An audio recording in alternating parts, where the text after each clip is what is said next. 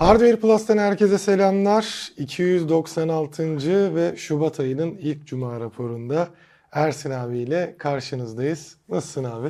İyi, ekibin nerede? Ee, Eren bugün bu sefer de o hasta. Midesi- iPhone zehirlenmesi mi? Biraz evet fazla şeyden dolayı olabilir tabii. Ya dünkü yediği hani balıktan sonra galiba biraz midesi şey olmuş anladığım kadarıyla. Bir de belki de hava değişimi vesaire. Ondan dolayı bu sefer o yatıyor. Normalde o Ekibi- gelecekti bu ek- hafta. Ekibi bir türlü bir araya getiremiyoruz. Farkında Evet, illaki birimiz Mut- de- mutlaka bir fire veriyoruz şeyden. Ve e, yine söyleyeceğim kendinize iyi bakmıyorsunuz. O yüzden böyle oluyor. Kendinize iyi bakmanız lazım. Şey olduğunda bunda direkt bir şey diyebiliriz. Eğer Allah korusun bir cuma raporunda sen de ben kötüyüm gelebilirim dersen ondan sonraki hafta da yani ya Ben- bu ben bu seneki az, şey, az hastalanırım ben. Biz evet bu arada gerçekten öyle.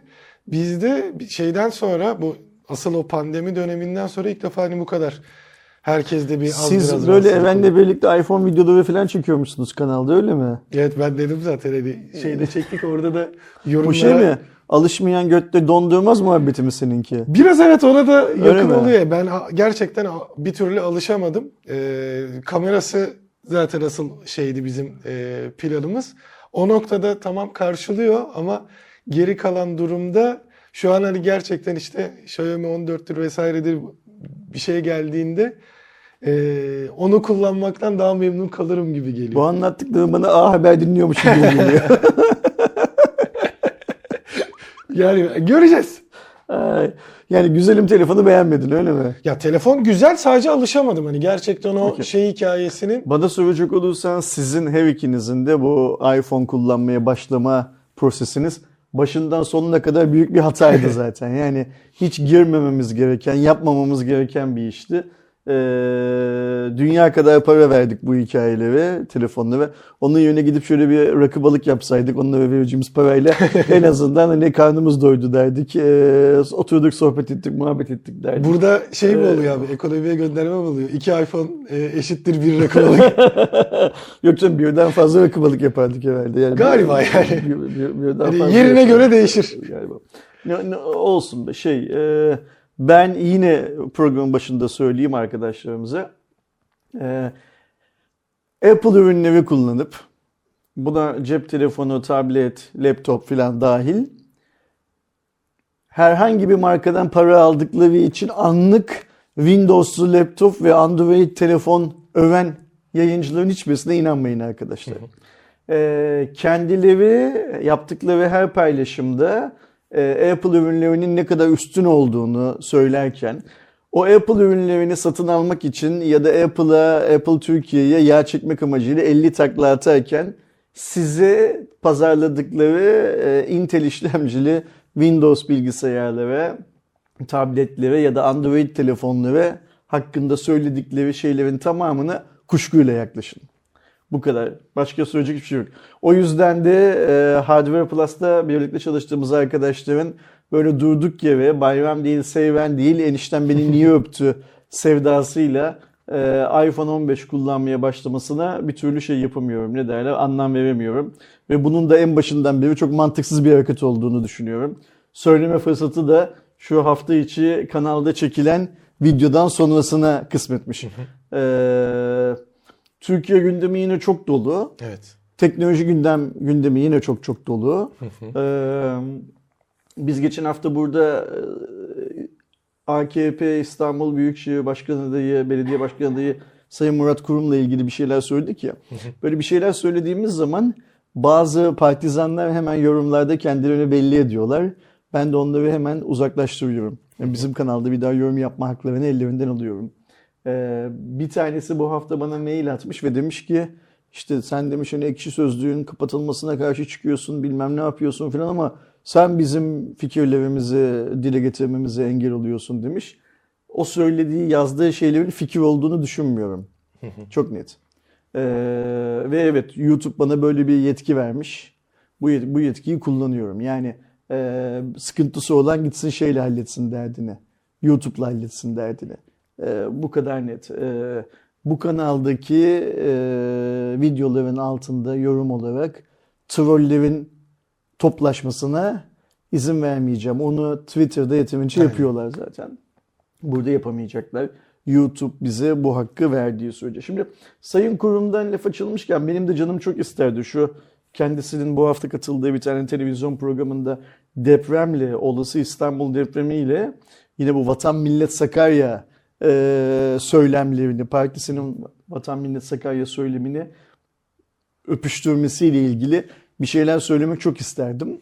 Ama orada söylenecek çok fazla bir şey yok. Yani hmm, bir önceki İstanbul depreminden sonra iktidara gelmiş olan bir siyasi anlayışın en son Çevre ve Şehircilik Bakanı kalkıp bu lafı ediyorsa abi sen bir dur orada ve biz seninle şeyi keselim artık. İletişimi keselim artık demek lazım. Yani hani e, bu şey gibi hoca diyor ya cahille muhabbeti azalttım diyor ya onun gibi bir şey olması lazım artık. Ama olmuyor tabii ki. Ülkenin gündeminde başka ne var? İşte bence Türkiye Cumhuriyeti tarihindeki en büyük demokrasi fiyaskolarından bir tanesi olan bir milletvekilinin milletvekilliğinin düşürülmesi olayı Ee, var. Ben de direkt mesela o şeyi gördükten sonra yani ee, işte okunduktan o videoyu vesaire gördükten sonra kendi açımdan şey kararı verdim mesela. Ee, umarım herhangi bir şekilde gerek olmaz da işte ee, mahkemeye gidip bir hakkımı arama vesaire gereksinimimin kalmadığını şey yaptım ben kendime. Yani bu yapılan olaylar zaten sırf bu olay değil. Son bir iki yıldan beri Türkiye'de Evet, evet, yapılan zaten. olayların tamamı insanların e, adalet mekanizmasına olan inancını zaten zedeleyen işlerdi. E, burada işte biraz önce hani Sayın Murat Bey İstanbul depremini dönüp dolaşıp Vatan Millet Sakarya'ya bağladığı için ona ya seninle araya mesafe koyalım biraz diyemeyen insanlar e, mesela şimdi göreceğiz ki işte e, ne yazık ki depremin birinci yılı geldi çattı artık yani bugün en ikisi. Haftaya salı. Aynen öyle. Ee, orada neler yapıldığını, neler yapılmadığını bizim buradan söylememiz çok kolay. Orada yaşayan insanlara sormak lazım bunu neler çektiler bir yılda, son bir yılda filan diye. Şimdi döneceğiz işte belediye başkanlığı seçimlerinde bölgedeki oy dağılımına bir kez daha bakacağız. Çünkü hmm, genel seçimlerde bölgedeki oy dağılımına baktığımız zaman e, insanların depremden sonra merkezi hükümetin orada verdiği ya da veremediği hizmetten çok da şikayetçi olmadıklarını gördük oy dağılımına baktığımız zaman. Burada hiç kimseyi bundan hak ediyorlar işte hani mesela bu şey muhabbeti var ya neydi ee, inek Ku- kuzu koyun ha koyun koyun muhabbeti. Çok saçma yani hani Ya o tabii ki ee, şöyle bir şöyle konu. bir şey var yani en başından beri bunu hep aynı şekilde dile getiriyoruz. 11 tane il büyük oranda etkilendi. Türkiye nüfusunun %10'undan fazlası o bölgede yaşıyordu. O bölgede çıkan insanların başka şehirlerde yaşayanları falan denk aldığımız zaman herhalde Türkiye'de o 11 şehirle bir ilgisi olmayan kimse yoktu. Yani hani kendisi Hataylı olmayabilir, Maraşlı olmayabilir ama eşi, eşinin bir akrabası, Kesinlikle. apartmanındaki bir komşusu, iş yerindeki bir arkadaşı, okuldaki bir arkadaşı falan mutlaka bölgeden. Yani Türkiye Cumhuriyeti Devleti sınırları içinde yaşayan hatta dünyanın herhangi bir yerinde yaşayan ben Türk'üm diyen herkesin bir şekilde bu 11 ile bir bağlantısı vardı. E, Böyle bir durumda bile yerel seçimler, genel seçimlerde e, oranın halkı iktidar partisine ağırlıklı olarak şey yaptıysa, tercih ettiyse kalkıp bu adamlar bunu hak ettiler filan demek dünyanın en zırva hikayesi. Çünkü demokrasi dediğimiz şey seçme seçilme hakkı öyle bir hikaye değil. Ee, ona oy veriyorsa ona oy verecek. Ama Sen niçin ona oy vermemesini, ona oy verirken e, neden mutlu olduğunu, ne beklentisi olduğunu falan çözemiyorsan ona oy verecek tabii ki. Şimdi Can Atalay hikayesinde de yine aynen bu noktadan bakarak Can Atalay'ın e, milletvekilinin düşürülmesinin ne kadar saçma sapan bir şey olduğunu söylememiz gerekiyor. ya şey oluyor zaten hani şu andaki mesela işte senin dediğin gibi Hatay'daki o işte kim kime oy vermiş falan. Ama Hatay'da Can Atalay'a oy verip milletvekili yapan herkesin oyu şey oldu. Hatta biz ben şimdi şeyi de düşünmeye başladım gerçekten bu hafta. Biz niye belediye seçimlerine gidiyoruz ki hani? Benim verdiğim oyun hiçbir anlamının Atasın olmadığını. değil mi? Zaten atamaya başladı daha önce e, Doğu bölgelerindeki birçok belediyenin başına kayyum adı İşte altında kayyum yapıyor. kendi şeylerini atamaya başladı. Şey de olabilir yani şu an diyelim işte Ekrem İmamoğlu olur, Murat Kurum olur, başka biri olur işte adaylardan. Yani ben şu an mesela belediye seçimlerinde bir bulunduğum ilçeye bir de İstanbul Büyükşehir Belediyesi yani Kadıköy'le e, İstanbul Büyükşehir Belediyesi'ne oy kullanacağım. Ama yani oy kullanmamın ne mantığı kaldı? Yani şey olabilir. Mesela sallıyorum ki e, ben Ekrem İmamoğlu ya tamam devam etsin diye oy kullandım. E o da olabilir. Ondan sonra bir şey bulup sen belediye başkanlığı yapamazsın ki onun da hani bazı böyle şeyleri konuşuluyordu. Konuşulmasa bile şu anki geldiğimiz düzende e, bir gece ansızın herhangi bir belediye başkanının seçilmiş olan herhangi bir kişinin görevden alınması ve onun yerine birinin atanması çok mümkün. Yani Ee, işte bu ne oluyor? Halkın iradesinin üzerinde başka bir iradenin olduğunu gösteriyor bize. Olmamasını istediğimiz şey tam olarak bu aslında. O yüzden e, ben o bölgedeki insanların herhangi bir şey hak ettiklerini düşünmüyorum. Hak ettikleri bir şey varsa daha iyi yaşamı hak ediyorlar. İşte hala çadırda kalanlar varsa bir an önce bir damın altına girmeyi hak ediyorlar. Eğitim alamayan çocuklar varsa eğitimi hak ediyorlar. Su sorunu varsa olduğunu biliyoruz. E, temiz suyu hak ediyorlar. Kaliteli yiyeceği hak ediyor bütün Türk vatandaşları. Sadece onlar değil filan. Yani iyi şeyleri hak ediyor bu ülkenin e, vatandaşı.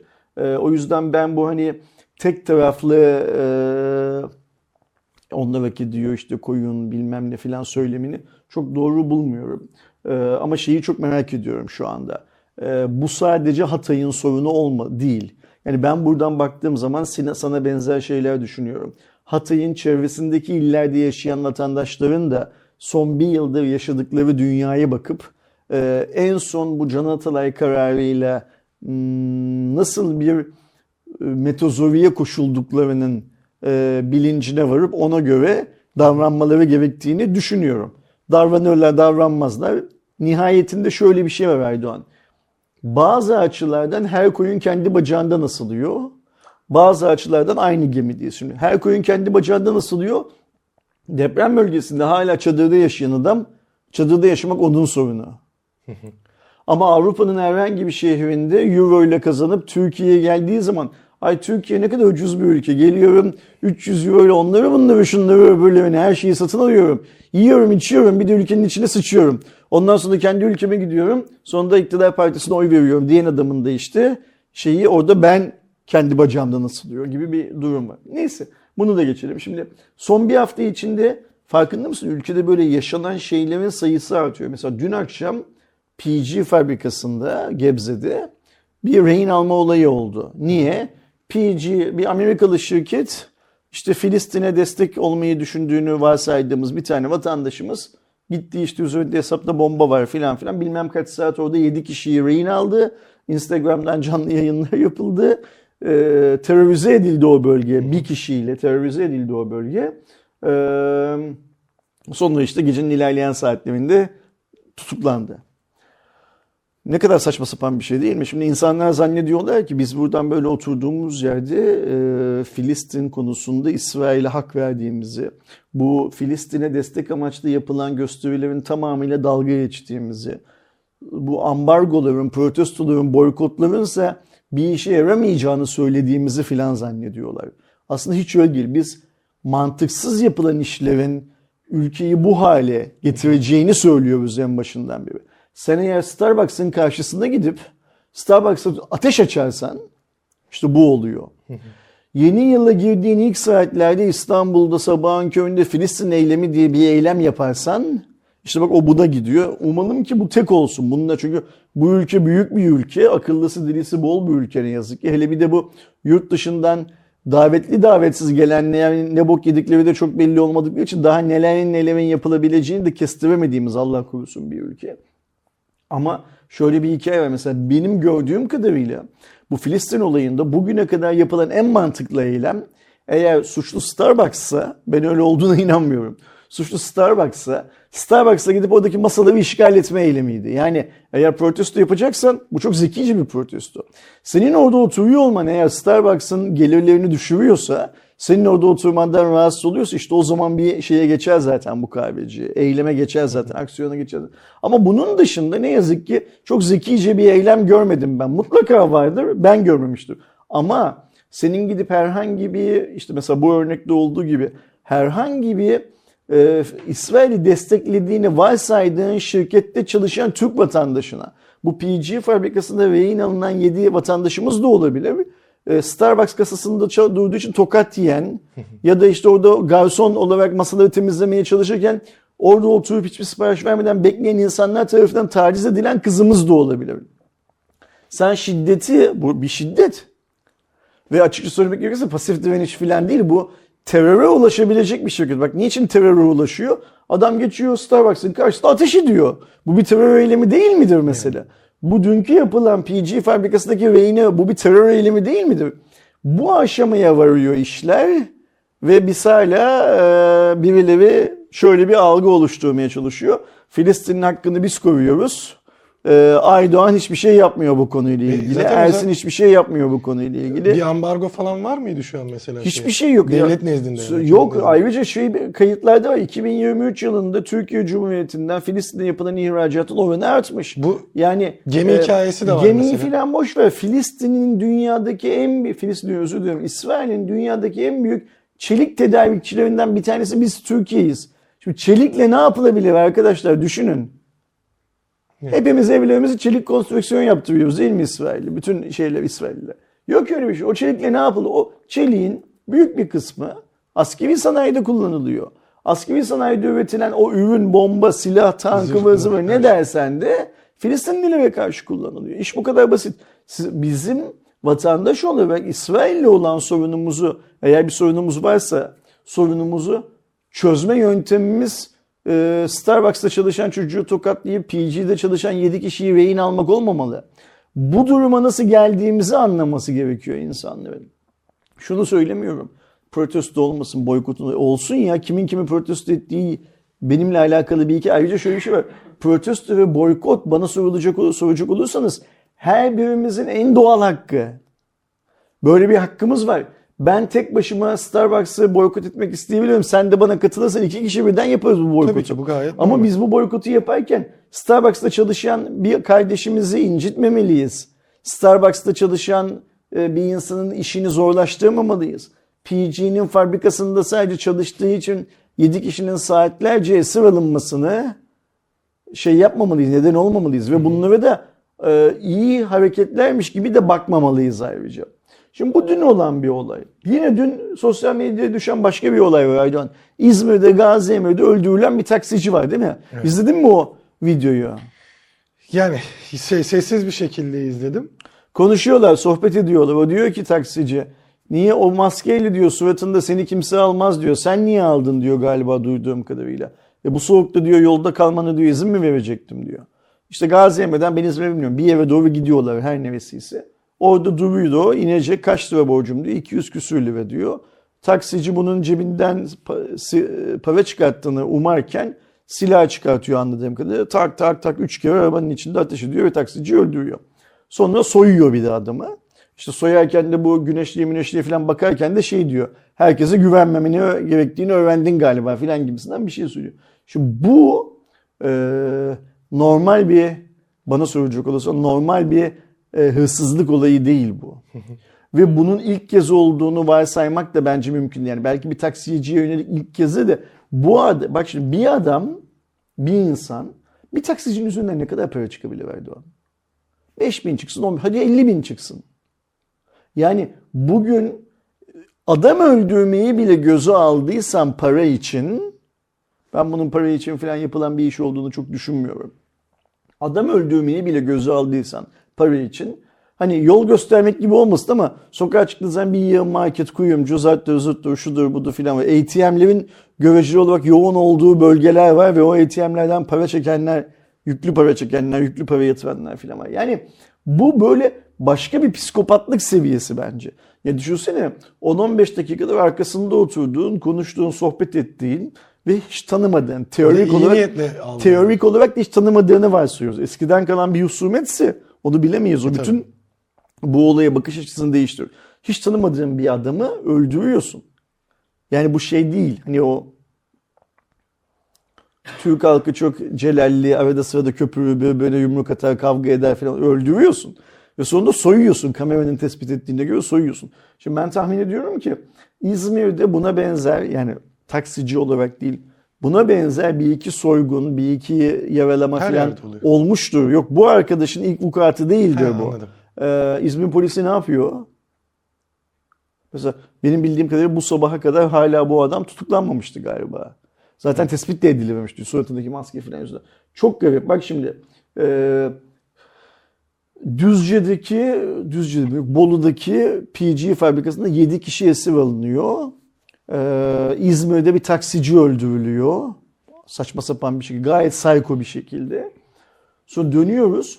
İstanbul'da yaşayan Diyarbakırlı Ramazan Hoca diye birisi var. Ramazan Pişkin ben bilmiyorum. Öldürülünceye kadar da haberdar değildim kendisinde. İşte Ramazan Pişkin hashtag olduğu zaman iki gece önce fark ettim. Ee, hiçbir videosunu falan bugüne kadar izlemedim ama özellikle dün akşam gibi baktığım zaman bu, gördüm ki bu herifin, herif diyorum kusura bakmasın, bu rahmetlinin e, farklı farklı kanallarda böyle milyon izlenmeleri ulaşılmış filan şeyi var temel anlamda baktığım zaman dünya görüşü, siyasi anlayış falan benimle hiçbir paralellikte olmayan bir adam. Yani bir kere Atatürk'ten bahsediş şekli benim kabul edebileceğim bir şekil değil. Bu ülkede, bu ülkenin demokratik e, şeylerinin, Denge. dinamiklerinin verdiği güçle o demokrasinin yıkılmasını falan söylemek çok kolay işler bunlar. Ve bununla verdiği zaman çok saçma sapan da işler. Yani onun arzu ettiği yönetim biçimi hayata geçmiş olsa onun şu an söylediği şeyleri benzer bir şeyi söyleyenin kafasını keserler. Onun bile farkında değil rahmetli. Her neyse. Bu arada Allah günahlarını affetsin. Ee, ama şöyle de bir hikaye var. Şimdi benimle aynı şekilde düşünmüyor diye bu adamın öldürülmesini, bıçaklanmasını normal mi karşılayacağız? Bana şeyler tamamen düzmece geliyor biliyor musun? İşte bu adam çok fakirmiş bilmem neymiş işte bir çay ocağı işte tespihle hayatını, tesbih satarak hayatını geçindirmeye çalışıyormuş bilmem ne falan falan. İstanbul o kadar kolay bir şey değil Aydoğan. Yani bugün Diyarbakır'dan, e, Urfa'dan, şuradan buradan bir adam İstanbul'a gelecek. Ee, tesbih satarak, çay satarak hayatını geçindirecek falan. İşin ama o tarafında değilim. Yani e, bu adamcağızın dün işte az buçuk bakındım böyle videolarına toplam 10 dakika izlemişim de izlememişim de bu milyonluk videolardaki şeyini. Ama videoların başlıklarına falan baktım tabii ki. Oradaki yayıncıların da ne menem adamlar olduğunu tahmin ettiğim için adama söylemediği şeyleri bile başlığa çıkartmış olabileceklerini de farkındayım ama neler söylediğini işte bu ekşi, ekşi sözlük bilmem ne filan tarzı yerlerden de bakındım. Benim için çok önemli bir insan değil merhum. Ama bu adamın öldürülebiliyor olması Türkiye içinde yaşadığımız Türkiye'nin sosyopolitik durumunu, vatandaşın bak devletini, vatandaşın sosyopolitik durumunu anlayabilmek açısından çok önemli. Bunu bıçaklayan adamı hemen İstanbul Emniyeti bulmuş. Ellerine sağlık. İnşallah İzmir Emniyeti de taksici öldüğünü bulsun da bu garip bir adam belli. Kafası yerinde mi değil mi bilmiyorum. Zaten akıl hastanesine girip çıktığı falan da söyleniyor. Ne derece doğru bilmiyorum. Kafası yerinde de olsa garip bir adam. Ya garipten kastım şey diyen değişik anlamda yani hani hayata tutunamamış bu bu çağlara belli ki. Böyle o anlamda garip bir adam. Ama bu adamın bile niçin öldürüldüğünü e, çözülmesi gerekiyor. Bak öldürene ceza vermekten bahsetmiyorum. Çünkü bence e, fabrikadaki rehine olayı da, İzmir'deki taksici olayı da, bu Diyarbakırlı Ramazan Hoca isim diye adlandırılan Ramazan Pişkin'in öldürülmesi de kendi başına münferit işler değil bunlar. Bunlar böyle bir çarkın şeyleri gibi, e, zamanı geldikçe dönen e, prosesleri gibi benim karşıma çıkıyor. E, öldürene ceza vermek, tabii ki katil ceza alacak, o ayrı mevzu ama bir insan başka bir insanı bıçakla durduk yere niçin öldürüldüğünü de birilerinin araştırması gerekiyor. Yani bu emniyetin içinde atıyor istihbarat teşkilatının içinde şurada burada bir yerlerde birilerinin bunların hep böyle bizim gördüğümüzden farklı olan alt metinlerini etüt etmesi gerekiyor. Şimdi geçen hafta Cuma raporu da çektik. Bu hafta Cuma raporunu çekiyoruz. Geçen hafta Pazar günü de İstanbul'da Pazar ayininde bir kiliseye saldırı oldu. Ne oldu o saldırıdan sonra? O saldırıyı IŞİD'in yaptığı çıktı ortaya. Orada da yine bir vatandaşımızı kaybettik. Vefat etti bir vatandaşımız. Allah onun da günahlarını bağışlasın, mekanı cennet olsun. Şimdi IŞİD dediğimiz örgüt şundan bir süre önce, bir süre dediğim yıllar önce Fatih'te e, masa açıp bağış toplayan kur- örgüt değil mi? Ve e, polisin müdahale etmediği, uzaktan izlediği bir örgüt.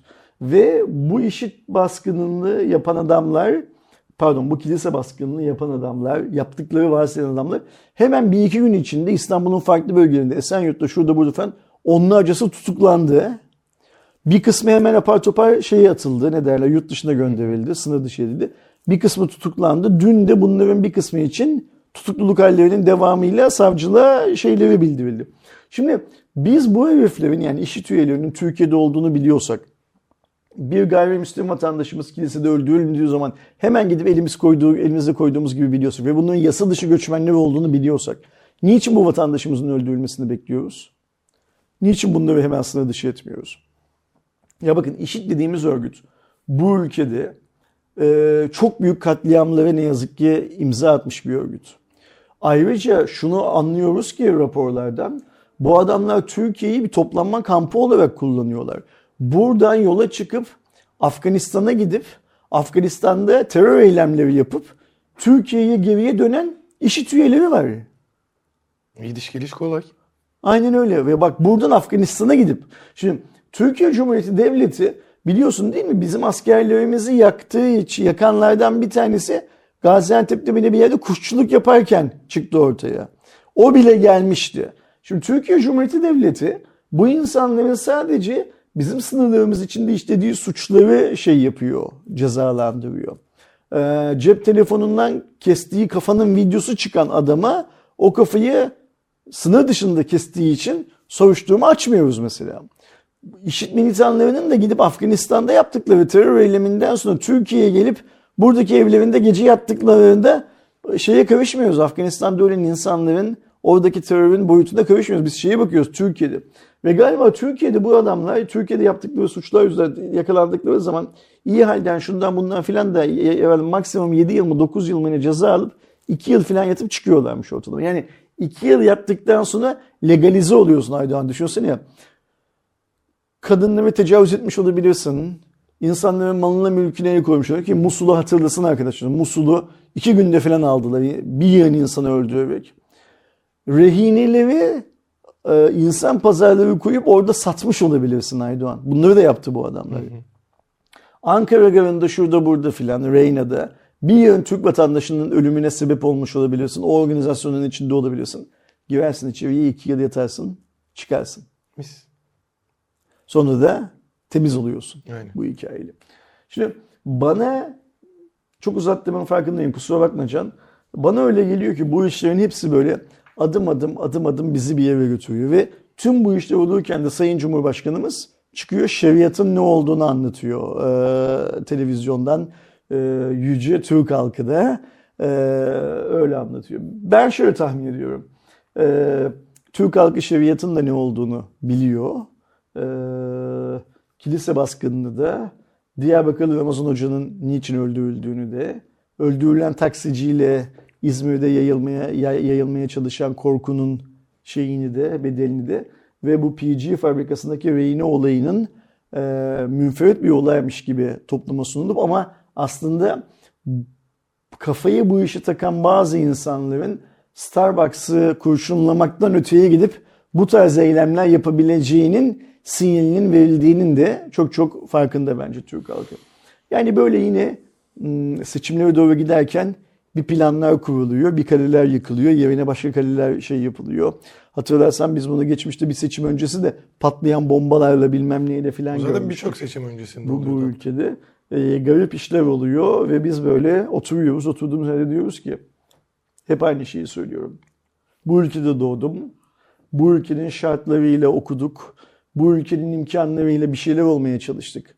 Bu arada bu ülkeye olan borçlarımızı da ödediğimizi varsayıyorum. Ee, ya da ödemekten geriye durmadığımızı varsayıyorum. Beklentimiz ne? mutlu, mesut, bombalamanın, insan öldürmenin, kaçakçılığın, hak yemenin, falan olmadığı bir ülkede rahatça yaşayabilmek. Ama yaşayabiliyor muyum? Yaşayabiliyor muyuz? Hayır yaşayamıyoruz. Niçin peki yaşayamıyoruz? Yani bunu ben yaşayamıyorum. Benden önceki nesiller yaşayamadı.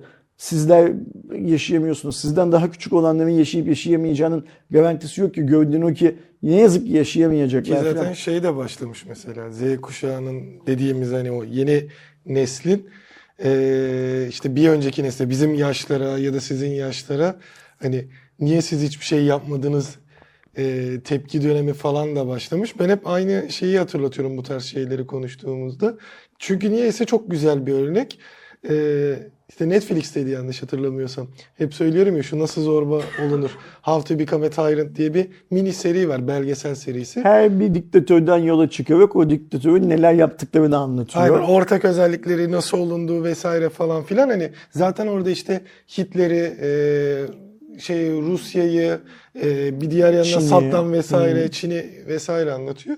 Ya izlemeyenler varsa bir kere böyle bir eğer varsa üyelikleri vesaire bir izlesinler bakalım hani e, bence bir görüşleri düşüncelerine de bir etki edecektir en azından. İstediğimiz şey şu. Çok basit. Atina'da doğan çocukla Kayseri'de doğan çocuğun aynı konforda bir hayat yaşaması. Almanya'nın Köln şehrinde, Hamburg şehrinde doğan bir kız çocuğunun imkanlarını Konya'da doğan bir kız çocuğunun imkanlarıyla eşit olması. Artık gitgide uza- uzaklaşıyorlar Aynen öyle. zaten. Ee, İngiltere'deki bir öğretmenle Sivas'taki bir öğretmenin eşit şartlar altında yaşaması. Bu sadece öğretmen değil, polisi de öyle şeydir. Doktorların dayak yemekten, öldürülmekten korkmamaları mesela.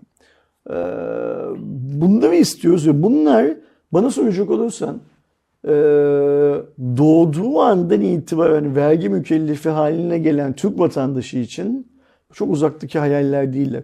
Dünyanın en fazla vergi ödeyen halkıyız neredeyse. Bugün bu videoyu izleyen ve çalışmayan, öğrenci olan arkadaşlarım bile kendi yaşlarındaki bir İngiliz'in, bir Alman'ın ödediğinin en az 2-3 misli fazlasında vergi ödediklerini anlamaları, bilmeleri lazım. Yani vergi ödemek nedir biliyor musunuz arkadaşlar? Devleti size bu güvenlik, sağlık, eğitim, adalet gibi hizmetleri verebilsin diye aidatınızı ödemek gibi bir şeydir. Yani Abonelik işte, aidatın gibi. nedir? Spor salonuna gitmek için. Netflix aboneliği nedir? Netflix izlemek için. İşte apartmandaki aidatın nedeni nedir? Apartman temizlensin bilmem ne falan diye. Ödediğin vergi de bu aslında. Bundan farklı bir şey değil. İstediğin şey adalet, eğitim, barınma, sağlık, güvenlik vesaire vesaire. E Yani hani bunun için haddinden fazla para ödüyoruz şu anda E, ve karşılığını alamıyoruz. En azından ben alamadığımı varsayıyorum. Alan aldığını varsayan varsa niçin aldığını filan yazsın. Anlayamaya çalışalım en azından. Ama böyle bir durum var.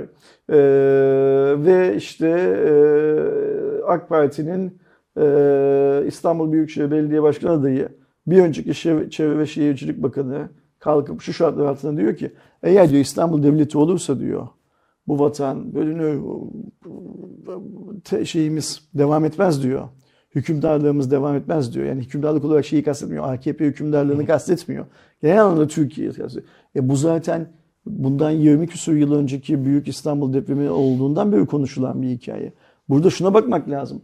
Biz 1999 yılından 2024'e kadar geride baktığımız 25 yılda ne yaptık? Depremin Şeyde olmaması dedi için. mesela e, işte İstanbul'un güvenliği noktasında taksileri noktasında da konuştu. Mesela İstanbul'un güvenli bir yer olmadığını ve şey dedi işte benim bir de o zaten niyeyse o tarafın şeyi benim işte belediye şoförüm vesaire e, şeyi benim belediye şoförüm gerekirse gecenin ikisinde e, kadını işte evine kapısında bırakacak falan gibi bir şey dedi. E, şimdi niye gecenin ikisinde e, kapının önüne bırakacak bir güvenlik belediyenin sorunu mu, valiliğin sorunu mu, emniyetin Ya bıraksana sorunu mu? ya böyle bir imkan varsa şimdi bunun tabii ki boş bir laf olduğunu kafası biraz çalışan olan herkes anlar da. Ama E, aynı zamanda kendi bünyesindekiler gece böyle bir durum olduğunda gece ne işi varmış diye de soruyorlar. Ya soruyor o işte onu seçmen oy sandığına gittiği zaman bunun de- muhasebesini yapmak zorunda. Evet. Murat Bey zaten şu anda bir e, belediye başkanı adayından da stand-upçı gibi davranıyor zaten. Yani işte bu söylediği lafların tamamıyla insanları kendisine güldürüyor. Görevi o evveldi. Yani ben tahmin ediyorum ki Sayın Cumhurbaşkanı Recep Tayyip Erdoğan Murat Bey'e İstanbul halkını biraz eğlendirme görevi verdi. O da işte hani bu söyledikleriyle şey yapıyor. Bak daha o depremde 130 bin kişi öldü falan hikayesine hiç girmiyoruz. Çünkü biz hala şunu da bilmiyoruz. Bir yıl önce yapılan depremde kaç kişi öldü? Hala çocuklarını bulamayan aileler var değil mi? Ama aileden sorumlu e, Sayın Bakan şundan bir süre önce kalktı dedi ki kayıp kadın ve çocuk yok dedi. Evet. Ne oldu bu kadınlara ve bu çocuklara? Büyük ihtimalle onlar şizofren falan işte. Hani bir çocuğu olduğunu ve depremde kaybettiğini düşünüyorlar. Hadi geç e, Realme 12 Pro'ya geç.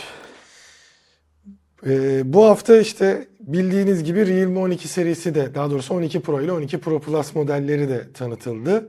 Ee, Türkiye'de zaten şu an 11 serisi var o yüzden çok fazla e, vakit kaybedeceklerini düşünmüyorum. Yani en azından o geriden gelme olayı birazcık e, yaklaşmış oldu.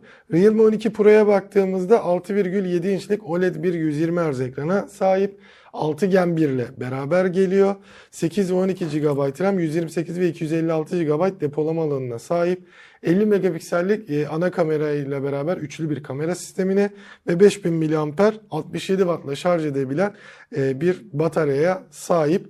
Fiyatlarına baktığımızda 310 ve 325 dolar fiyatlara sahip e, yurt dışında Realme 12 Pro. 828 310, 8256'sı 325 dolar olarak ayarlanmış.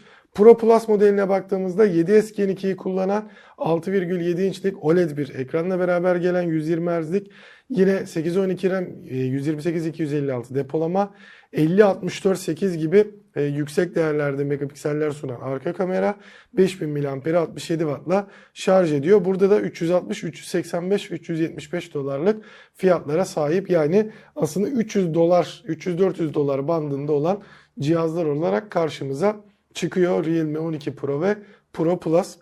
11 Pro'daki tasarım da burada korunmuş durumda. Yani biz şu an e, 12 ailesinden Türkiye'de biraz uzağız gibi görünüyor. Çünkü daha bugünlerde Türkiye'de ne piyasaya çıkıyor? Düzü 11 için. 11'e çıkıyor. O da piyasaya. 4G'si bu arada. O da onu da 4G'si söyleyelim. bu arada. E, Realme benim sevdiğim bir marka. Realme benim Türkiye'de olmasından mutluluk duyduğum bir marka. Dünyada da çok yakından takip etmeye çalıştığımız bir marka. Bu cihazlar yani 12 Pro ve 12 Pro Plus bugünün şartlarına göre yabana atılacak cihazlar değiller. Fiyatlarına da baktığımız zaman. Çünkü aydan 300 dolardan bahsediyoruz. 300 dolar, 325 dolar falan gibi paralardan bahsediyoruz. Yani bu paraların karşılığını her halükarda veren cihazlar bunlar. Ee, işte Türkiye'de gelsin isteriz. Türkiye'de geldikleri zaman fiyatları da böyle çok fazla yukarıda olmasın Yani isteriz bunlara ki. direkt baktığımızda nitekim- 20 oluyor zaten. Nitekim Realme 11'de işte tamam hani biraz hani 4G versiyonu bilmem ne filan da ama satış fiyatını ben Realme 11'i Evet, evet, beğendim kendi içinde güzel Yani bir hani şey. şey diyemem. e, pazara baktığım zaman Türkiye cep telefonu pazarına baktığım zaman beğendim. İşte inşallah bunlar da gelsin. Ha bir de şöyle bir şey var. Ben cihaz 5G olacağına 4G olsun 2000 lira falan daha ucuz olsun da şu anda tercih ediyorum. Ama tabii orada şey derdi oluyor işte. Markalarda e, 5G'li 4G'liye geçerken performansta da bir farklılık oluyor yani. İşte ama ben sadece 5G'den feragat edeceğimi söyledim. Performanstan feragat edeceğimi söylemedim. O yüzden hani hangi versiyonun geldiğini şu anda çok umurumda değil. Ne zaman umurumda olur biliyor musun benim 5G? Sadece İstanbul'da tüm Türkiye'de 5G'nin efektif bir şekilde kullanıldığından emin olduğumuz zaman. Bugünün Türkiye'sinde bunun mümkünatı görünmüyor. Benim açımdan görünmüyor. Önce fiber işte bilgi olacak. drone cell, 5G ambulans bilmem ne filan şeylerine benzemez. O Murat Erkan'ın zamanında üflediği yalanlara benzemez bu. Ee, kullanılmıyor ve şu an kullanılmayacaktı bu ülkede. O yüzden farkındaysan ne hükümetin böyle bir an önce 5G lisanslarını verelim gibi bir derdi var. Ne operatörlerin bir an önce 5G'ye geçelim gibi bir Şu an dertleri zaten var. aslında teknik olarak lisansları var işte. Yani biz de daha geçen Barcelona'ya giderken aynen Kerem'le beraber denedik. Hatta Kerem onun bir e, kendi Instagram sayfasında Reels'ını yaptı. Ben kendi telefonumdan Turkcell üzerinden 5G'ye bağlanıp test yaptığımda rahat rahat o gigabitlik 5G hızlarını görüyorum. E, e tamam o zaman lisans yoksa bunu nasıl verebiliyor? Orası deneme alanı olarak tahsis edildi operatörlere çünkü.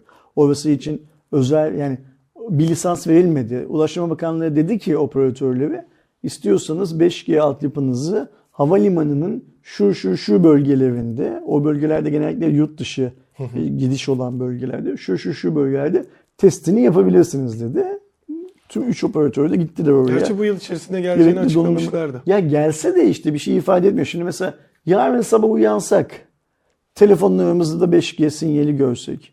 Bunun sana bana faydası ne? Yok bir faydası. İşte şey şu an teknik olarak aslında şey O yüzden ben cihazın 4G 5G olduğuna bakmıyorum. Yani eğer hani bir performanstan kısmıyorsa 4G'de olsun e, işimizi görsün modundayım. Realme'ye dönecek olursak da bu cihazlar yani 12'den bahsettiğimiz cihazlar güzel cihazlara benziyor. Fiyatları çok güzel. Özellikle fiyatları çok çok güzel. Ee, ve artık bu tarz cihazları gördükçe Hint halkının bizim yanımızda ne kadar zengin kaldığını daha rahat Doğru. anlıyoruz. Yani çünkü bu cihazların tamamı artık Hindistan için yapılan cihazlar gibi görünmeye başlıyor. Ama Türkiye'ye de gelsin. Realme Türkiye bizi izliyordur. 2024 yılı içinde biz bu 12 ailesini Türkiye'de de görelim mümkünse. Geç Evet. kalmasın yani Tabii çok. ki. Yani artık Türkiye, Realme Türkiye şu globalle Türkiye arasındaki numerik senkronizasyonu bir zahmet tuttursun artık. Ee, hayatımız öyle devam edelim. Ee, ben şeyden memnunum. Cihazların e, teknik özelliklerinden memnunum. O kadarını söyleyeyim sadece. Evet yani şey olarak fiyat performans noktasında güzel duruyorlar ama Türkiye'ye geldiklerinde vesaire o zaman göreceğiz. Xiaomi kanadına geçtiğimizde biliyorsunuz Türkiye'de de şu anda Flip e, diyebileceğimiz tarzda iki model satışta. Biri Samsung'un Galaxy Z Flip 5'i, diğeri de Tekno'nun Phantom V Flip'i. E, biz de zaten daha Huawei'ninki de vardı, tükendi. Aynen. Ya şu an aktif olarak satışta olan. Bir de Huawei o daha şeyi paketi yenilemedi şey olarak. Ee, ama baktığımızda Xiaomi kanadında da e, bazı çalışmaların vesaire olduğu Fold'dan sonra gelebileceği zaten konuşuluyordu. Şimdi de Digital Chat Station e, Flip modellerinin özelliklerini vesaire aynı zamanda o e, konsept çizimlerini de paylaşmış oldu. Büyük ihtimalle Xiaomi Mix Flip adıyla yani o Mix ailesine e, zaten Mi Mix Fold'tu, Mix Fold olarak konuşuyoruz. Bu da Mix Flip olarak gelebileceği söyleniyor. E, baktığımızda uydu bağlantısını kullanacağı Çinli cihazların şu anda çok fazla dikkat ettiği iş yaptı ki Xiaomi 14'lerde de var. Büyük ihtimalle ama MVC'de göreceğimiz versiyonlarda kullanmayabilirler. Onu da söyleyelim. Baktığımızda tabii ki beklenildiği gibi 8 Gen 3 ile beraber gelecekler. Ee, bunun yanı sıra e, 12 ve 16 GB RAM, 256 512 GB ve 1 TB depolama, işte 50 megapiksel, 12 megapiksel, 50 12 12 şeklinde gidecek bir kamera dizilimi ve 6,7 inçlik e, bir ekran olması ve arkadaki ekranında birazcık şeye benzeyecek şekilde e, Vivo ve e, Samsung kanadına benzeyecek şekilde geniş bir kapak ekranında olacağı konuşuluyor bu cihazlar için. MVC'de bunu görür müyüz sanmıyorum. Bu büyük ihtimalle ilk Çin'de duyurulacaktır. Ama Belki MVC'de böyle bir dokunulmayan bir ortamda bence görebiliriz. Belki şey bir e. Huawei misali tarzı belki evet bir konsept Çünkü olarak geçen falan- yılda hatırlıyorsam MVC'de şey vardı. Bu Ultra'ya e, objektif takılan Ultra vardı. Cam mekanın arkasındaydı yine. E, o yüzden bu da olabilir sanki. Yani belki evet ihtimali olabilir. E, Oradaki asıl yıldız zaten e, görünen o ki yeni cihaz olarak 14 Ultra olacak. E, cihaz olarak TOG'un da deyimini kullanırsak Su 7'de orada e, şey yapılacak gibi hani en azından şey değil tabii ki bir lansman olarak değil de Gösterim aracın mi? gösterimi vesaire kesinlikle olacak. Çünkü e, Xiaomi'nin paylaştığı görsellerde işte insan, e, otomobil vesaire gibi bir vurgu yapmışlar. Adamların tek otomobili var gösterecektir. Bir diğer yandan siz bunu izlediğiniz saatlerde e, Amerika'da artık resmi satışa da Apple Vision Pro e, çıkacak. Burada niye bahsediyorsun? Zaten konuşmamış mıydık? Diyenler olursa bizi takip edenler de haftalık takip edenler de. Bu haftanın farkı artık incelemeler de e, çıktı. Ben işte Marquez Brownlee'den e, izledim. Bir iki böyle e, şeydeki e, Amerika'daki e, gazete ve dergi şeyinlere de baktığımda İlk aşamada sevildiği görülüyor. Ama mesela ne yaptı ne etti yine Lightning'i burada kullandığını gördük. Bir tane e, yayıncılardan biri şeyi fark ediyor. E, Vision Pro'nun o powerbank'e bağlanan yerde hatta, hatta Marquez Brownlee fark etmemiş. Ayrılmayan bir kablo sanıyor. Ama orada bir iğne pini var. Onu takarsan çıkan kablo Lightning'in geniş hali. Bata, şey, powerbank'i takmak, değiştirmek için kullanacağın yerde. Orada bir kullanmışlar yine ama cihazın kendisine baktığımızda birazcık ağırlık e, yaptığı yani ön tarafa doğru bir ağırlık olduğu e, bilgisi veriliyor. Onun dışında kullanım güzel. İşte şeyi kullanmak, e, FaceTime'ı kullanmak tamam farklı çünkü senin orada bir e, üç boyutlu modelin ve gerçekten güzel de bir modelin çıkıyor. Ama çok fazla uygulama eksikliğinden de bahsediliyor. Yani Apple birazcık e, konsolların da o yetersiz çıktığı, hani yeterli oyun olmadan çıktıkları dönemdeki gibi ama e, üzerinden e, toparlaması gereken bir durumda teknik olarak işte dijital platform dediğimiz tarafta bir kendisi var tabii ki Apple TV'si. Bir de Disney girdi. Netflix, YouTube vesaire gibi en azından hani insanların VR kullandığımda da benim en çok böyle girip denediğim e, şeylerin olmaması hatta bazılarının girmeyeceğini açıklaması da e, bir Apple'ı zorlayabilecek gibi duruyor. Ama şu açıdan baktığımızda açıkça söylemek gerekirse eğer sen bir uygulama geliştiricisi değilsen paran e, işte merak edip yenilikleri görebilecek seviyede fazla fazla değilse ki bu Amerika için de zaten geçerli. İlk aşamada bir bekleyip görelim kısmında gibi duruyor. şey, Benim ilk Vision Pro. okuduğum şeylerden edindiği bir izlenim iyi bir cihaz olduğu yönünde. E, bu prematüre bir teknoloji. Bunu kabul etmek lazım. Yani her şeyi beklemek mümkün değil. Bu Netflix hikayesine falan geliyoruz. İçerik kral. İçerik hala kral. Günümüzde de kral. En büyük eksiği içerik. Görüntü kalitesiyle alakalı yani maskın içindeki görüntü kalitesiyle alakalı çok büyük negatif eleştiriler var. Bence bizim orada çekilmiş olan videolardaki kaliteye değil ma- maskeyi suratımıza taktığımız zaman gördüğümüz kaliteyi değerlendirmemiz gerekiyor. Yani ben onun dışarıdan bakarak kötü kalitede bir video olduğunu, görüntü olduğunu söyleyebilirim. Ama kafaya maskeyi kafaya taktığımda bana o hissi vermiyorsa o zaman iyidir işte iş bu kadar basit. Bu içerik kısmında da şöyle düşünüyorum Aydoğan. Şimdi Netflix filan e, öyle açıkladılar da biz yakın zamanda şöyle bir şeyler duyuyoruz. E, Netflix'in atıyorum Tom Cruise'la 10 filmlik anlaşma yaptığını duyuyoruz mesela. Ve ilk filmde bunu destekliyordur. Bu teknolojiyi destekliyordur. Evet, yani. Geçen hafta konuştuk galiba. Aynen öyle. Ee, Apple Tom Cruise'a parayı verir. Senin 10 filmin bundan sonra peş peşe şeyde çekilecek, yayınlanacak, Netflix'e yayınlanacak ve bunların tamamı bizim Vision Pro'daki teknolojimi destekleyecek. Tom Cruise kalkar sanki hayatında ilk kez film çekiyormuş gibi böyle bir teknolojinin ilki olmaktan büyük mutluluk duyuyorum falan diye açıklamalar yapar. Tom Cruise'u kafasında e, maskla Variety'ye, Rolling Stones'a şuraya buraya falan dergili ve kapak yaparlar. Öyle televizyon röportajlarına falan çıkartıyorlar. Bu iş çözülür. Yani şimdi girmeyeceğiz demesinin nedeni büyük bir ihtimalle önümüzdeki yılın sonlarına doğru planlanan pazarlama bomba, bombalamasının içine bir tool olarak eklemektir. Zaten bence. evet birkaç senesi Bunları- olacak gibi Bunların şey. planları Vision Pro. çoktan yapılmıştır, biz bilmiyoruzdur. Bak görüyorsun Allah ömür versin. Ee, bir yıl sonra yani şundan bir 7 ay 8 ay sonra filan o biz de onun işin içinde yokuz diyen şirketler nasıl tıpış tıpış ee, o, şey, o işin içinde E zaten bu olduklarını işte Apple TV Plus'la alakalı bilgiler verdikleri zaman Vision'la da alakalı şeyler olacaktır. Hani işte dediğin gibi şu uygulama geliyor, bu oyunu yaptık, bilmem ne yaptık falan filan hikayesi. Ee, bunun dışında Ben ilk çıkan üründe, ürünü denemedim. Denemek çok istiyorum ayrı mevzu. Ee, İlk çıkan ürünle ilgili okuduğum her şeyi pozitif olarak algılıyorum. Ürün açısından pozitif olarak zaten hani çok büyük şeyi gösteriyor tabii ki. Hani şey demiyorum bu cihaz olmamış gibi söylem algılanmasın benim de dediğimde. Çünkü şeyde de izlediğimde işte dediğim gibi e, Amerika'da Marquez Brownlee'deki şeyleri yapılabilecek çok şey var. Mesela şey örneğini gördüm ben. Formula 1 içinde işte F1 TV eğer buraya yönelik bir şey yaparsa sonuçta onlar da artık Amerikalı bir şirket. Ee, sen karşıda şeyi izlerken işte Formula 1 yayınını izlerken önündeki masada ya da işte sen orada oluşturduğun yerde anlık olarak pisti takip ediyor olsan araçların gidişini falan bambaşka bir şey oluşturulabilir. Hani buradaki e, ileriye yönelik şey var. Ama şu anda dediğin gibi bir prematüre kısımda e, ve birazcık daha zamanı var gibi duruyor. Bununla ilgili üzülmesi gereken, düşünmesi gerekenler biz değiliz. Bizim Tabii. üzülmemiz gereken şey fiyat aşağı düşer mi? Düşmez gibi görünüyor. Yeni add-on'lar gelir ve fiyatı orada sabit tutmaya çalışıyorlar çok uzunca bir süre. Ee, kapitalizmin kuralı budur çünkü. Ee, ikincisi emin ol şu söylenilen görüntü kalitesi bilmem ne falan gibi hiç konuşulmadığı bir platformda çıkar. O Lightning, Lightning falan zaten işin şeyi garnitürü bile değil yani. Hani geç onları.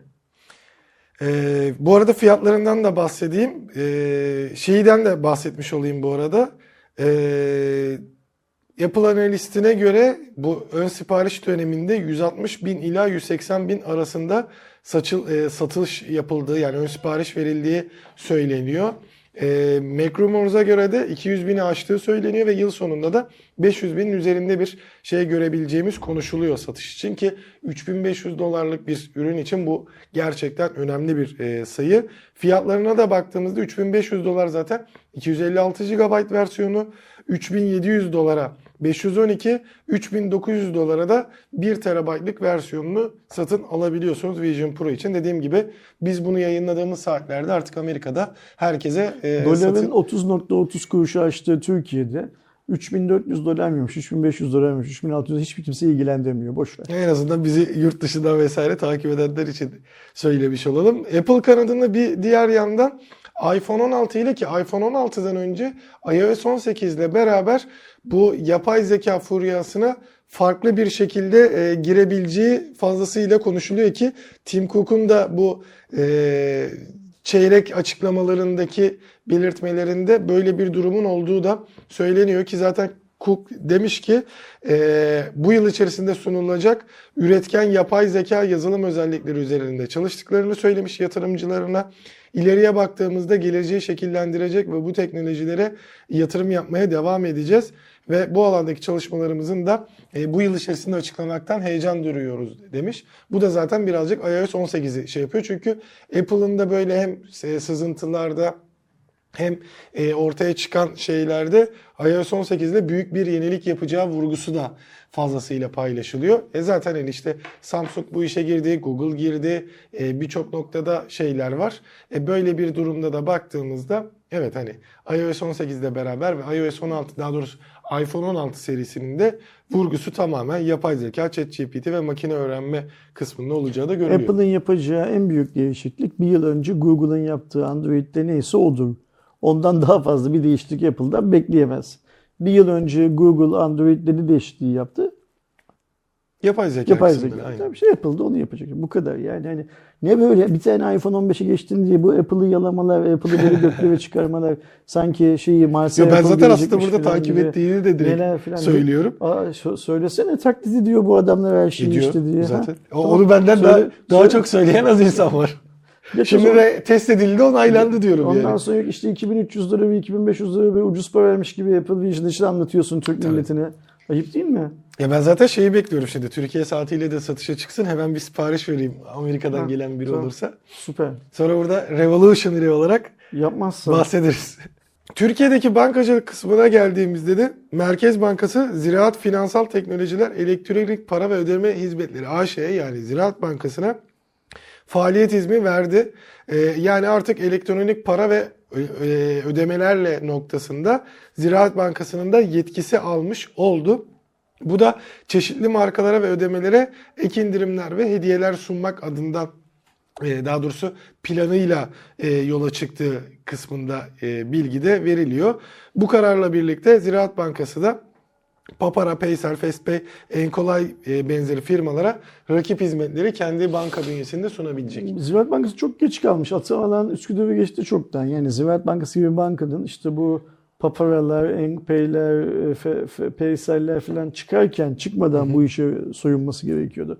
O hediye verecek olan kısmı falan da hikaye. Ziraat Bankası görmüş burada ne kadar büyük para döndüğünü, bu kurumların ne kadar karlı olduklarını falan. Ya şu pastadan biz de Şey de payımızı düşüne alalım demiş. Yemek sepeti de giriyor böyle bir Bu şey. ayıp bir şey değil, günah bir şey değil. Yemek sepeti de girsin. Hiçbir şey eksik kalmasın. Bu ayıp bir şey değil, günah bir şey değil. Geç kalmışlar sadece. Yani ana işi e, bankacılık olan bir şirket geç kalmış. Yemek sepeti gibi ana işi bankacılık olmayan bir şirket giriyorsa o şey bir adım. Ne derler? Daha no- normal karşılanabilecek olan bir adım ama sen bankasın zaten. Yapman gereken iş bu. Yani şey der ya Amerikalı hani bir işin var onu da düzgün yap derler ya. İşte burada da Ziraat Bankası'nın bir işi var zaten. Yani Onu da düzgün yapması lazım. Adı Ziraat Bankası ama zaten Ziraat'le falan arasındaki bağ çoktan kopmuş olan bir banka.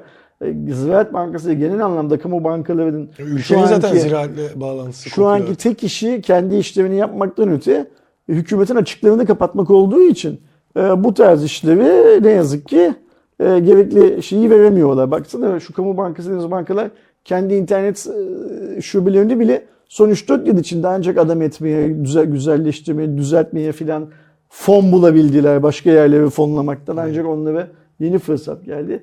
Geç almayın böyle haberleri Cuma raporuna. Yani bunu konuşsak ne olur, konuşmasak. Ha, Şimdi konuşacağımız Spotify zam haberi gibi. Hani zamlardan bahsetmiyorduk bu programda bundan sonra. Ya son bu özellikle sene başı zamları da şey olduğu için insanların e, haberi olsun bilsin diye özellikle ekliyorum zaten hani sırf bahsi geçmesi açısından. Spotify noktasında da işte klasik hani 2024 yılı e, dolar kuru güncellemeleri noktasında Spotify da nasibini aldı. Bireysel 40 liradan 60 liraya, 22 lira olan öğrenci e, 33 liraya, aile 65 liradan 100 liraya, Duo dediğimiz o çift kişilik e, kullanım imkanı sana sağlayan sistemde 55 liradan 80 liraya yükselmiş oldu. Bu fiyatlarla Amerikalıya verdiğinden daha pahalıya mı veriyor Türkiye? E, yok hala Ha, daha okey, ucuzda o zaman kalıyor o zaman zam geldi. Şey Türkiye zam geldi yani. Ya onlar zaten hani orada bir belli güncelleme yaptığında yani adamlar 1 dolar arttırsa bizde 30 liraya yükseldiği Okey, için tamam. Durum Bu, biraz bu, şey. bu şeye geldiysen Aydoğan, bu kıvama geldiysen anlıyorsun o zaman işi. işi. Maalesef. Biliyorsun artık işin nasıl döndüğünü. Zaten tamam. işte Türkiye'deki Süper. 7'den Da- 77 da- ekonomik da- da- da- var. başka insanların da başına.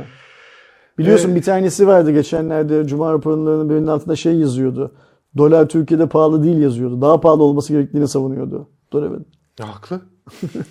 Doğru demiş yani. Türkiye'de 1 dolar 1 dolar. Xiaomi kanadında da dediğimiz gibi e, büyük ihtimalle globale bir gösterim e, şey değil, satışa başlaması değil daha çünkü kendisi üretmeye başlamadı. Gösteriminin MVC'de e, olacağını beklediğimiz Su7 ismindeki sedan ürün ailesi e, 19 Şubat'ta Çin yeni yılı şu an zaten orada yeni yıl dönemi başladı Çin kanadında. Bu yeni yıl dönemi biter bitmez üretime başlayacağı bekleniyor. Zaten Şubat ayında başlayacaklarını söylemişlerdi. Planlama noktası da ortaya çıktı.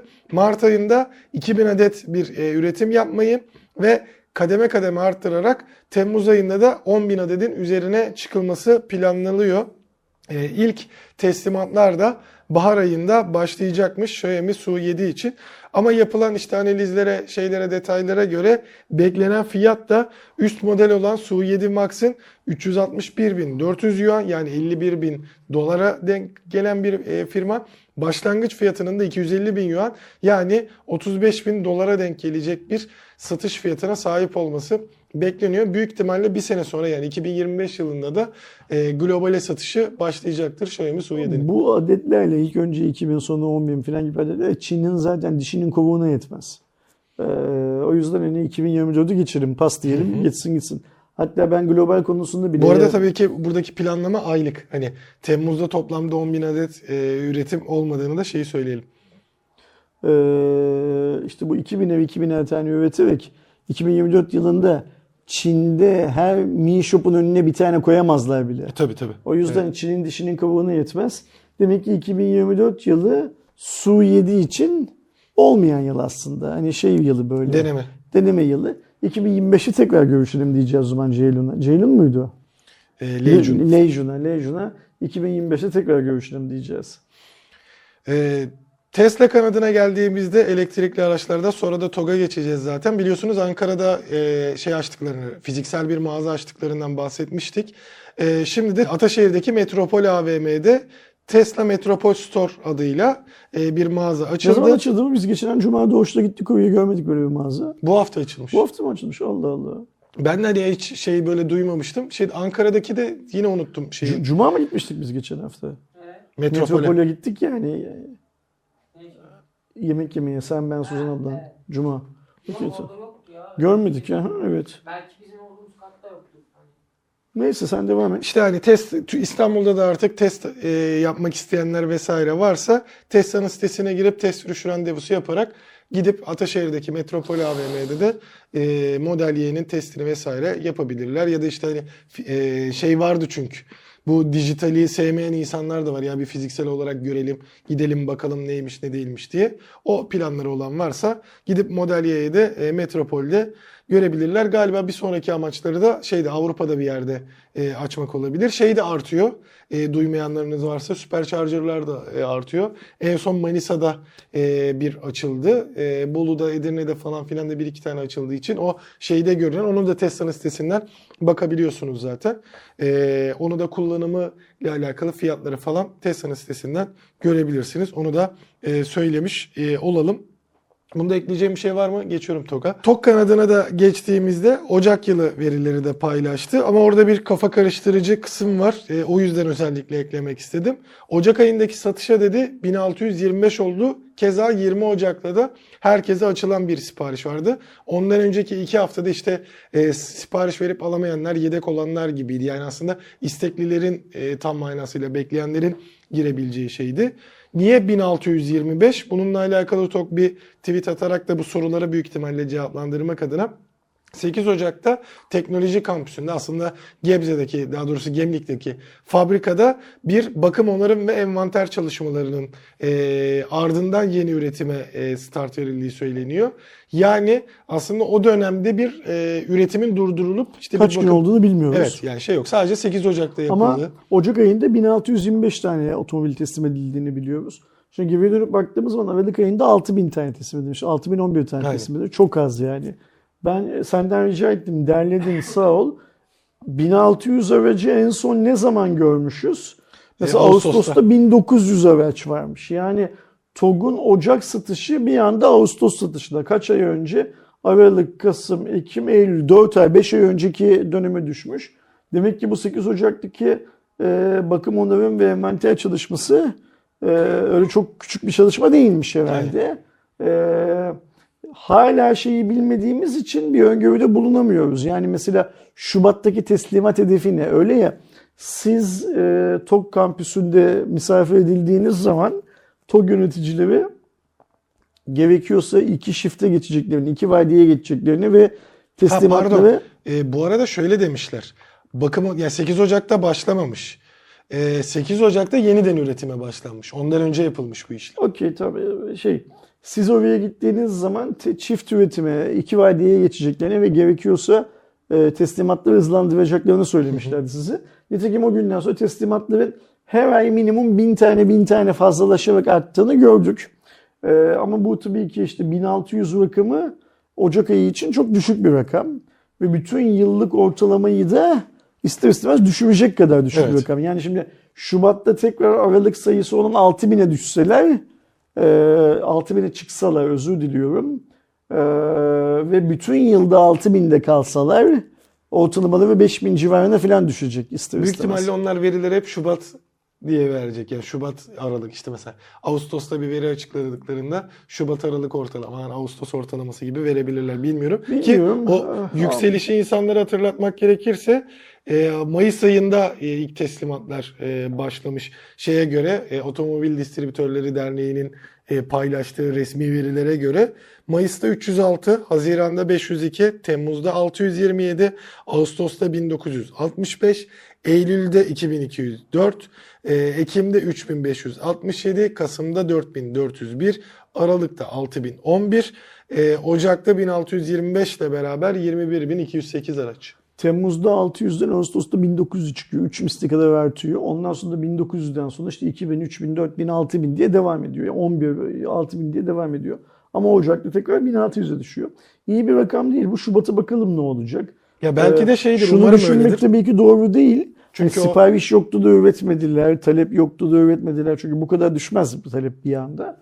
Ee, yeni sipariş alıyorlar bir yandan.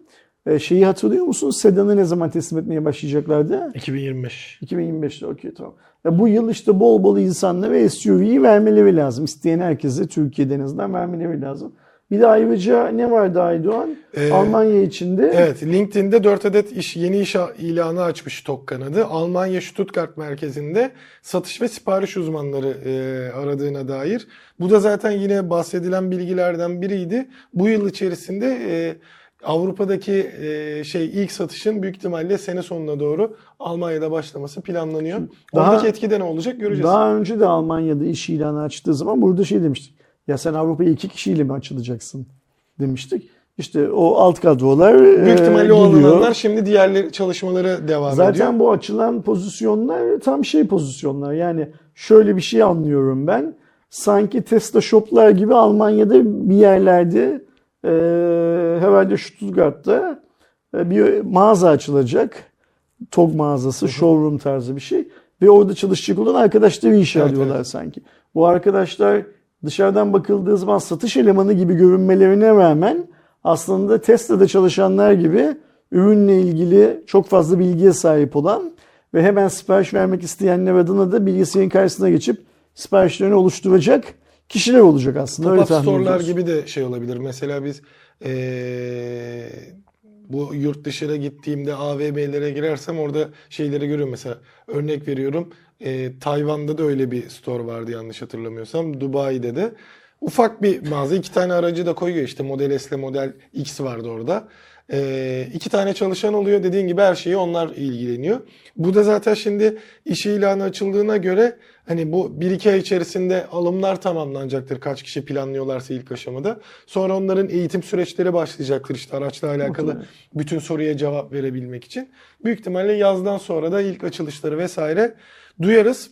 Türkiye kanadında da biliyorsunuz bu TOG'u koruma için e, yapıldığını ben kendi açımdan varsaydım ve birçok kişinin Ben de de öyle böyle düşündüğü e, yasalar gelmiş işte 20 adet bilmem ne falan filan. Bunu durumda bazı markaların Türkiye'ye girişi sıkıntıya girecekti. Bununla alakalı ilk açıklama şeyden geldi bu arada onu da söyleyeyim. BYD dedi ki biz Türkiye'deki yatırımlarımıza, çalışmalarımıza devam edeceğiz. Onların şu an galiba sayısını hatırlamıyorum ama 20'ye çıkacaklarını söylemiş ve bu 500 ila e, 800 milyon liralık bir e, yatırım gerektiğini ve bunu yapacaklarını söylemişler. Yani BYD geri adım atmıyor ama tabii ki bir diğer yandan anladığım kadarıyla vergilendirmeyle falan birazcık fiyatları yükselecek.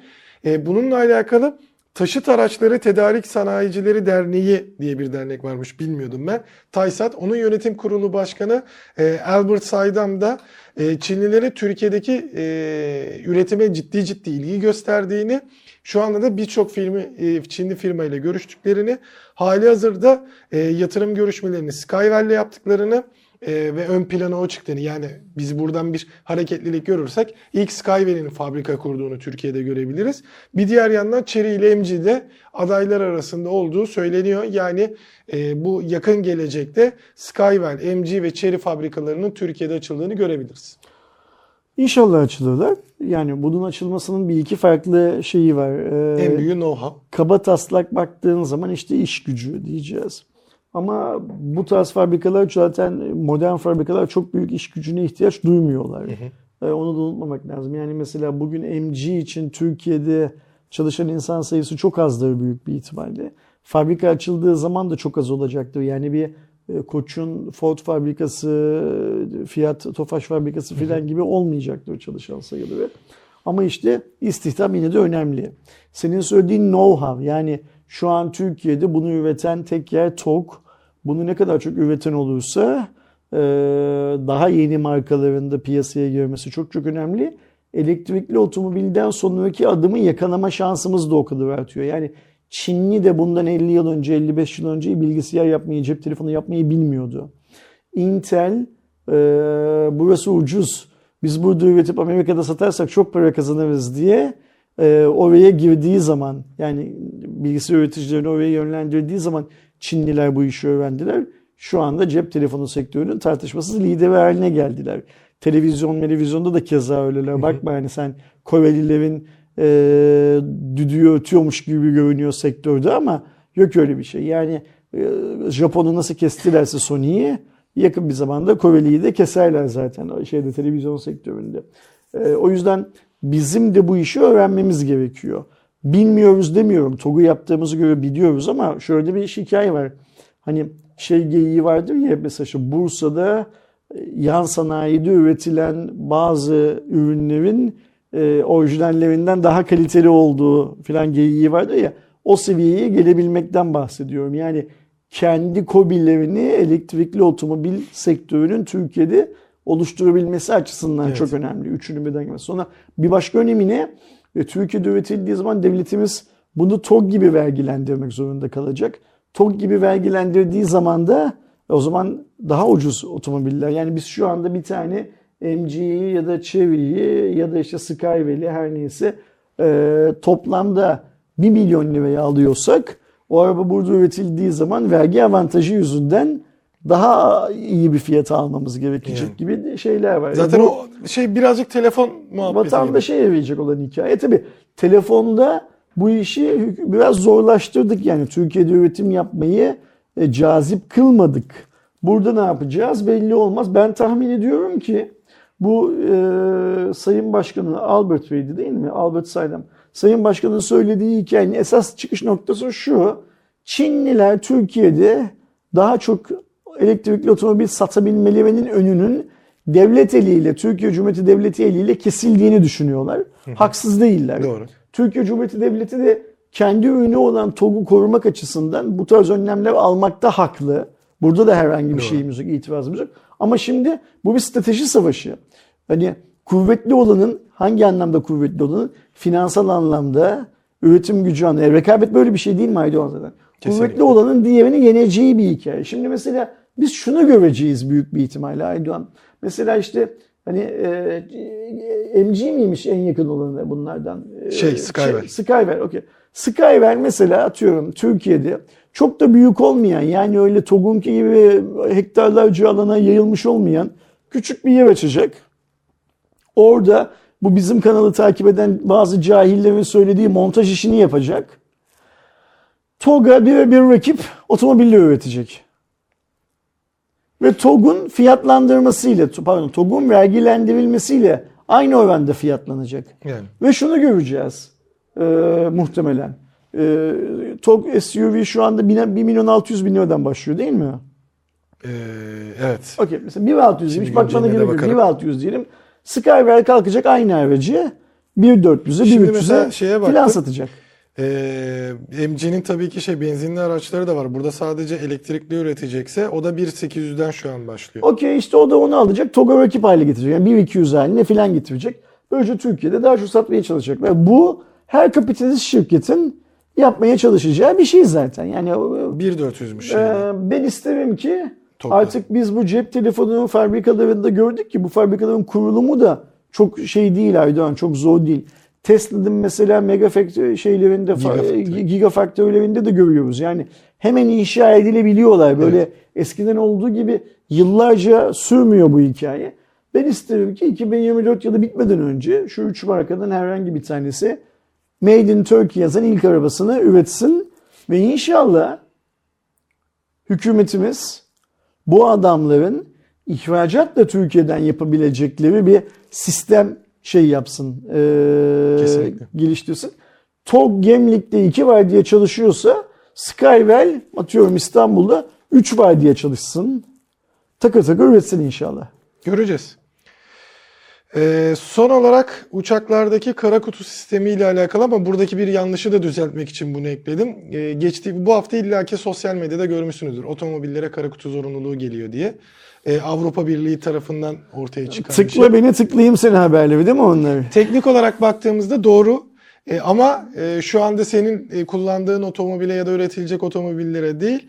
İlk başta e, M1 ve N1 sınıfı için yapılıyor. M1 yolcu taşıma amacıyla kullanılan ama 8 koltuğu geçmeyen. E, N1 ise 3500 kiloyu geçmeyen yük taşıma araçları. Yani aslında M1 Türkiye'deki daha doğrusu İstanbul'daki bu son taksiler gibi Vitolar vesaire diyebiliriz. Ee, özel yolcu taşımacılığı diyebiliriz. Tabii Volkswagen'in de şeyi var. O eski İPPA arabası dediğimiz falan da buna giriyor. Bunlara getiriyorlar EDR dediğimiz Event Data Recorder ya da olay veri kay- kaydedici olarak Türkçeleştirebileceğimiz bir sistem.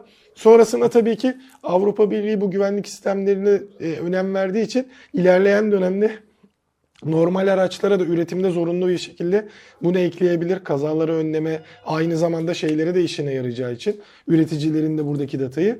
Bu nasıl aktif olacak?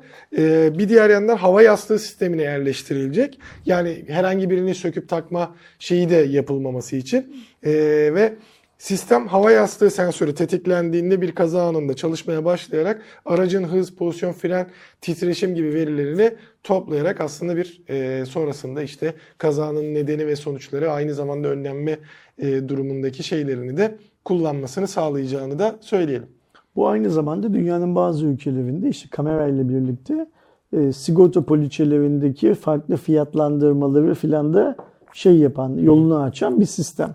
E, ilk kez kullanılmıyor. Türkiye'de ilk kez kullanılacak olması bizim için şaşırtıcı olmamalı. E, arkadaşlar şöyle düşünmesinler. Bu trafik hatalarını tespit etmek için bilmem ne filan yapılan bir sistem değil. Yani ceza İstenir- yazılmayacak orada. İstenirse o amaçla kullanılabilir mi? Çok rahat kullanılabilir. Ama öyle bir sistem değil bu. Bu tamamen yol güvenliğinin analiz edilebilmesi Evet. için kurulan bir sistem. Siz yol güvenliğinizi analiz edebiliyorsanız, analiz ettirebiliyorsanız ve siz yol güvenliği anlamında e, çok fazla pürüz çıkarmayan bir sürücüyseniz bu sefer de sigorta şirketinizin size daha ekonomik primler sunmasını sağlayabilir hale geliyorsunuz. Dünyada gördüğümüz örneği Evet. bundan ibaret. Yoksa hani bunun dışında böyle çok atla deve bilmem ne filan bir iş değil. Bu kadarcık bir şey işte. Ee, kapatmadan şeyden de bahsetmiş olayım. Ee, benim gibi meraklıları için çünkü büyük bir olay daha oldu e, F1 kanadında. Birincisi zaten artık şey kesinleşti gibi çünkü bir, bir Sports'taki bir programda da açık açık söylenmiş Formula 1'in yayın haklarının birinde olacağı o zaten kesin gibiydi. İkincisi ise e, şu anda aktif sürücüler arasındaki en büyüklerden biri olan e, 7 senelik şampiyon e, Lewis Hamilton 2025 sezonunda bir sonraki sezon Ferrari'ye geçiyor. E, kırmızıya geçmeye kalmadı gibi bir durum Sattı oluyor. kendini yani öyle mi? Öyle mi Ya herkes şeyi paylaşıyor. Fethel'in e, aslında herkesin bir kırmızı sevgisi vardır ister istemez diye ya da kim E bu, bu, şey- bu gerçek bir şey. Yani şimdi Formula 1 endüstrisinden Ferrari'yi çıkartsan ne kalır geriye? Yani Şu bak durumda- bugüne kadar Formula 1'e giren çıkan takımları düşün işte Benetton, Renault, Mercedes, Toyota, Üç büyükler var aslında bilmem ne. Ferrari, McLaren, Williams. Williams neredeyse hiç kalmadı. McLaren bu sene bir toparladı. Ee, ama baktığımızda Üç büyüklerin içinde bir tane büyük var. Fenerbahçe gibi. Olmazsa olmaz yani orada. Ee, Ferrari'yi çok da çıkartırsan benziyorlar bu arada. Herkes onu yapar yani. Fer, şeyi Ferrari'yi çıkartırsan şeyden e, Formula 1'den Formula 1'in sonu olmaz tabii ki bu ama Çok Formula büyük 1'in kayıp. albini, albinisi büyük oranda gider. Yani bugün hangi takımı hangi Formula 1 takımını tutarsa tutsun bir insanın kafanda bir Formula 1 anı resmet dediğimiz zaman ve o resmin ekran görüntüsünü alabilsek atıyorum McLaren'i tutan adamın bile ekran görüntüsünde kırmızı bir e, Ferrari Formula 1 arabası mutlaka vardır. Tabii ki, tabii ki. Yani öznesi olabilir, karenin arkada olabilir, bir yerde olabilir. Mutlaka bir tane şey var. Zaten şey var Ferrari zaten. önemli bir marka. Ferrari işte yıllardır tamam şampiyonluk alamıyor vesaire ama dediğin çok doğru. Mesela McLaren'da son birkaç yıldır e, daha dikkat çekici pozisyona tekrar gelmişti. İşte Williams dediğimiz gibi zaten artık şeyi e, o eski Williams'ın e, şeyi kalmadı. Efsaneliği kalmadı açık açık baktığımızda zaten satıldı edildi. Ama sen istersen McLaren e, şeyi ol, fanı ol, istersen Red Bull fanı ol, istersen Mercedes fanı ol, Haas fanı bile olsan hani şu an teknik olarak en düşük durumdaki bir takım olarak düşündüğümüzde e, bir çekişme varsa o her zaman Ferrari ile oluyor. Ferrari kötü Bir de şöyle da. bir şey var. Ferrari efsane pilotlar yaratma konusunda da e, çok önemli. Niçin Ya önemli? yaratıyor ya efsane pilotu alıyor zaten Niçin önemli? Şöyle önemli. Ferrari'nin her ülkede, her pistte seyircisi var. Evet. Yani Bir de e, yani İtalya'da yapıldığındaki yani şeyde yani e, şu an işte Amerika'ya çok zorluyorlar. Miami'de yaptılar, Vegas'ta yaptılar. İşte Arapların yatırımıyla Uzak Doğu, Orta Doğu'da da yapılıyor. Uzak Doğu'nun çok şeyi kalmadı artık. O güzelim zorlu pistlerinin anlamı kalmamaya başladı. Ama e, Monza'da yapılan yarış ya da işte tabii ki o İtalya'da farklı farklı yerlerde de yapıldığı oluyor ama işte o hız tapınağı dediğimiz Monza'da yapılan yarışın şeyiyle e, algısı ve e, oradaki izleyicilerin şeyiyle gerçekten orada bir şey gibi yani. Ferrari oraya geldiğinde yani bir yarış İtalya tabii yapıldığında- ki Ferrari'nin merkezi ama Avrupa'da, Almanya'da da yarış yapıldığı zaman sen çok fazla Ferrari taraftarı görüyorsun. Fransa'da da yapılsa görüyorsun. Dünyanın neresinde yapılırsa yapılsın. Türkiye'de de Formula 1 yarışı yapıldığı zaman tribünlerde en 2025'teki çok izlenmenin mesela Ee, en büyük etkisi bu olacak. aynen işte. öyle. Ferrari iyiyse izleyiciler artıyor. Ferrari yani en son Schumacher zamanında bu bunu transfer bence Formula 1'in e, kendisi için de iyi Çok bir transfer. Yani mesela ben Formula 1'in sahibi olan şirketin yöneticisi olsam bu böyle bir transferin gerçekleşmesi için el altından e, para veririm yani Şeyi düşün. E, Netflix'te dünkü haberlerden sonra takla atmıştır zaten o Drive to Survive'ı alıp. Yani Aynen mis öyle. gibi bir şey çıktı onlara yani konu çıktı. O yüzden ben tahmin ediyorum ki önümüzdeki sezon işte kırmızıların e, rekabetiyle ve bu seyirci güçleriyle, onlara dünyada duyulan sempatinin gücüyle tüm Formula 1 takımlarına ve tüm Formula 1 sporuna olan ilgi artacaktır. Böylece işte e, Formula 1'in yeni sahibi olan Amerikalılar daha çok para kazanırken e, Formula 1 sporunun herhangi bir yerinde duranlar da yaptıkları işten daha çok keyif, daha çok para elde edecekler. Güzel bir gelişme Şu bu. an Saran Holding de çok üzülmüştür bu şeye. E, bir yine kaybetmelerine şeyin. E, ama bu açıdan baktığımızda tabii ki onun da şeyini göreceğiz. Yani gerçekten çok büyük bir olay. Son dönemlerin hatta bayağı bir uzun süredir e, görülebilecek en büyük bir olaydı. Bir de eğer e, Hamilton Bir- şu an 7'de kaldı. 8'i alamadı. Bir, bir, McLaren fanının ağlamaları bunlar. yani Yo her- biz No- Norris'i her- bizden memnunuz. Her, her şeyin ötesinde o ağlayacaklar yani hani Ama herkes yani ne olursa olsun Galatasaraylı olduğunu ne kadar belli ediyorsun. yani. Ferrari'ye olan saygı orada değişmez zaten. Şey çok güzel olur dediğim gibi. Eğer Hamilton 8. şampiyonlukla Schumacher'in o bütün şeyini egale ederken bunu kırmızı şeyle tulumla yapma ihtimalinin olması çok başka bir seviyeye getiriyor. Bakalım 2025 yılında yani bu sene değil onu da e, böyle çok takip etmeyenler için söyleyelim. E, önümüzdeki sene neler olacak ama bu seneyi de bir tabii ki görmek lazım diye de 296 idi e, doğru hatırlıyorsam. 296. Cuma raporunun da e, sonuna gelmiş olalım. Önümüzdeki hafta görüşünceye kadar kendinize iyi bakın. Hoşçakalın. Hoşçakalın.